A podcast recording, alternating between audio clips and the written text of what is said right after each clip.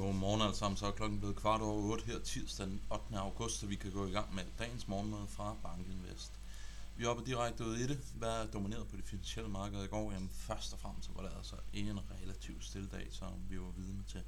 Vi så noget stabilisering af aktier. Vi havde S&P 500, med, med, der var oppe i en lille procents penge. Vi så dog under overfladen ingen rotation. Der var altså ikke øh, et overnormalt øh, opkøb af cykliske aktier i forhold til defensive aktier. Så det virkede altså som et marked, hvor folk købte aktier, uden at skille så meget til præcis, hvilke aktier der var.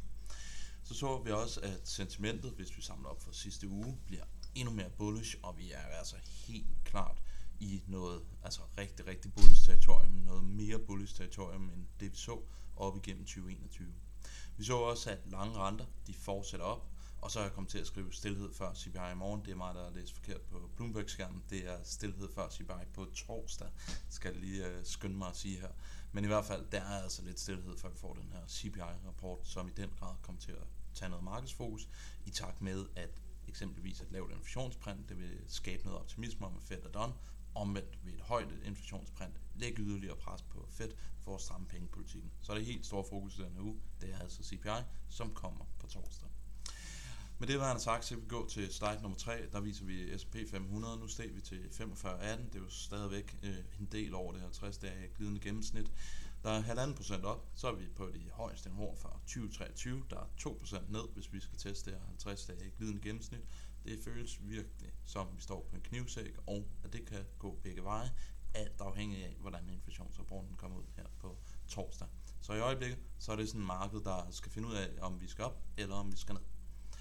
Som jeg sagde indledningsvis, så var der altså ikke den helt store rotation, og stort set alle faktorer gav det samme i afkast, hvis man lige ser bort fra small cap, her udtrykt ved Russell 2000, som havde en lidt hård dag i går.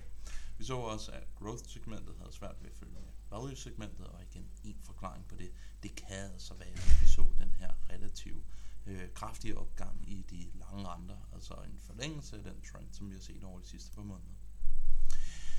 Når, nu snakker vi meget om de her fakta performance, og så viser vi dem på en daglig basis. Hvis vi lige prøver at zoome lidt ud, og så ser på, hvordan det ser ud for år som helhed, så kan vi se, at de cykliske aktier i USA, de har leveret et afkast på 28%. De defensive aktier, de har givet et afkast på minus 0,23. Det er en voldsom, voldsom divergens, i særdeleshed i lyset af den meget, meget kraftige pessimisme, der var i starten af året. Men der er altså ingen tvivl om, at når vi bare ser på de her øh, to afkast her, så er vi altså i et marked, hvor aktier handler, som om vi var på vej ud af en, af en recession. Altså et marked, som var på vej ud af enten coronakrisen eller et eller andet sted op i april, maj, juni måned 2009. Det er altså virkelig, virkelig stor optimisme, vi ser under overfladen i øjeblikket. Hopper vi til slide nummer 6, og har taget det amerikanske high yield spænd med. Det ligger på 3,88. Det er altså lidt op fra de bundniveauer, som vi satte her for et par uger siden. Vi har nok behov for et par yderligere positive dage på aktiemarkederne og en faldende volatilitet, før vi sådan for alvor skal ned og teste de niveauer igen. I går så var det altså en begrænset bevægelse, som vi så i, i high yield markedet. Så sagde jeg det her indledningsvis med, at vi begynder at se nogle øh, sentimentindikatorer, som overstiger de niveauer, som vi så op igennem 2021. I 2021, som vel at mærke var et virkelig, virkelig stærkt bullmarked, hvor aktier stort set øh, ikke korrigerede op igennem øh, året. Det jeg viser her på slide nummer 7, det er AAII, Bull Bear Spread, det er jo private investorer i USA, og det står på 27,7.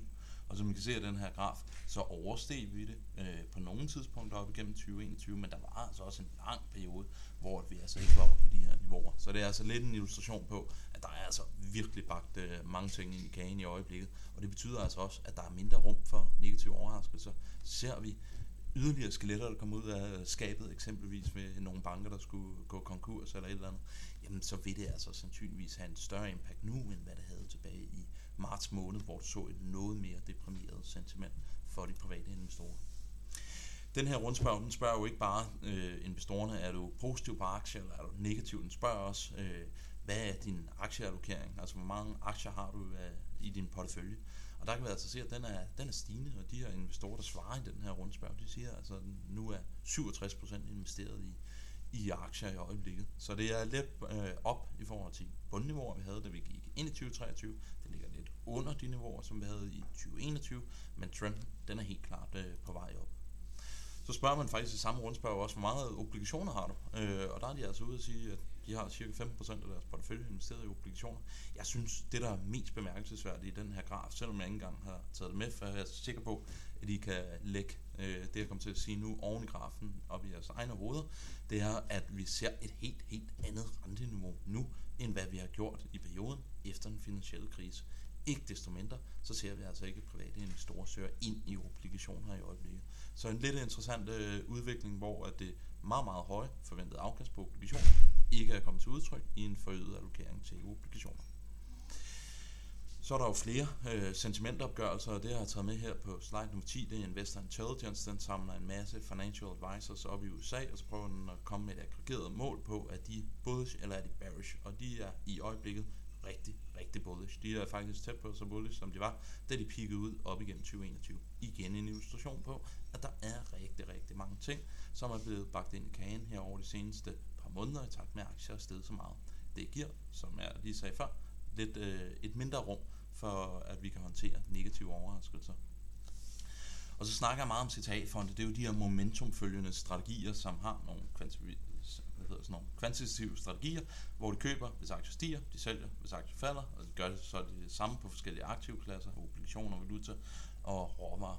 Hvis vi isoleret ser på aktieallokeringen i øh, blandt de her CTA-fonde, og det her det er vores egen model, som ligesom er skabt til at tracke deres aktieallokering, og den stemmer egentlig meget godt, skal jeg lige skynde mig at sige, overens med de resultater, vi også ser ud af de store investeringsbanker.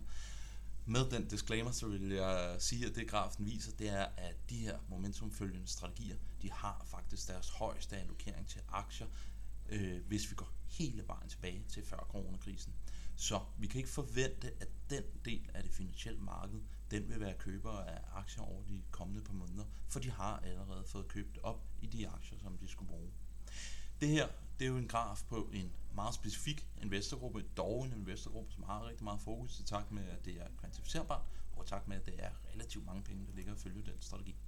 Men hvis man prøver at tage en masse, eller nogle flere mål med på positionering, så har vi lavet vores egen positioneringsindikator, og som vi kan se på den her graf, uden at gå dybere ind i alle detaljerne på, hvordan den er konstrueret, så ligger den altså på rigtig, rigtig høje niveauer.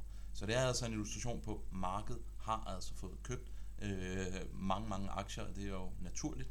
Øh, også en konsekvens af, at vi ser, eller det kan man jo også bare se ved at gå ind og se på valuations aktier, som ligger på rigtig, rigtig høje niveauer.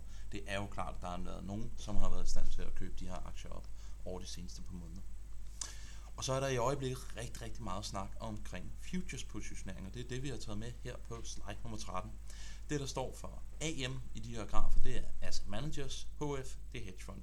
Og som man kan se nederst i grafen, jamen så ligger hedgefonde altså relativt kort S&P 500 og Nasdaq-indekset. De er faktisk også kort øh, Russell 2000, det er jo small cap indekset. Og så kan du se, at asset managers, jamen de ligger faktisk og har nogle lange positioner i de her futures. Jeg tror i den grad, man skal tage det her med et grænsalt, salt, for det her det viser kun deres positionering på futures-siden, og du kan ikke se den positionering, som de har på øh, cash-siden, altså om de har investeret i cash equities. Så det lugter altså af at være noget basis trades, for jeg har svært ved at forestille mig, at hedgefonde op igennem 2023 kæmpe rally bare ligger med den største kursposition i hedgefond, eller til S&P 500 aktier i, i al almindelighed det ville altså være dårlig risikostyring, og det tvivler jeg altså på, at de her hedgefonde gør i øjeblikket. Men det er altså noget, som der er flere og flere institutionelle investorer, som er ude at snakke om, og som spekulerer på, om, som sagt, de her tal, det er, dækker over, at man har set sådan en basis trade, som det hedder i øjeblikket. Nonetheless, så kan vi fokusere på asset managers. De ligger altså rigtig, rigtig langt, de her S&P 500 futures. Så en illustration på, at de også har fået købt aktier op. Så samlet set på sentiment og positionering, der er rigtig, rigtig øh, lille room for error i øjeblikket. Der skal altså ikke mange nyheder til, for at det her sentiment, det kan, negative nyheder for, at det kan knække. Indtjeningen, den skal op, og inflationen, den skal ned. Ellers så ser de stigninger, vi har set over 2023, altså noget skrøbelige ud. Og så skal vi huske, at når der er nogen, der køber, så er der altså nogle andre, der skal sælge. Spørgsmålet er bare, at de tilbageværende bærs, hvilken pris, hvis de ender med at købe, hvilken pris er det, de skal komme til at, at købe det på. For i øjeblikket, så virker det altså til, at dem, der gerne vil sælge aktier, de er altså kun villige til at gøre det til meget, meget høje multipler. Så summa summarum, der er altså meget, meget lille room for error i øjeblikket. Nå, hvad kommer i fokus i dag? NFB, det er PMI for de små til mellemstore virksomheder i USA. Det bliver interessant at se, hvordan den kommer til at spille ud. CPI i morgen, det er jo øh, fake news, som jeg har taget med her i morgenrapporten, for det er CPI på torsdag. Vi ser nogle asiatiske markeder, der er lidt blandet, og endelig så er amerikanske aktie futures altså i minus her for morgenstunden. Med disse ord, så ønsker jeg alle sammen en rigtig, rigtig god dag, og vi høres ved i morgen. Hej!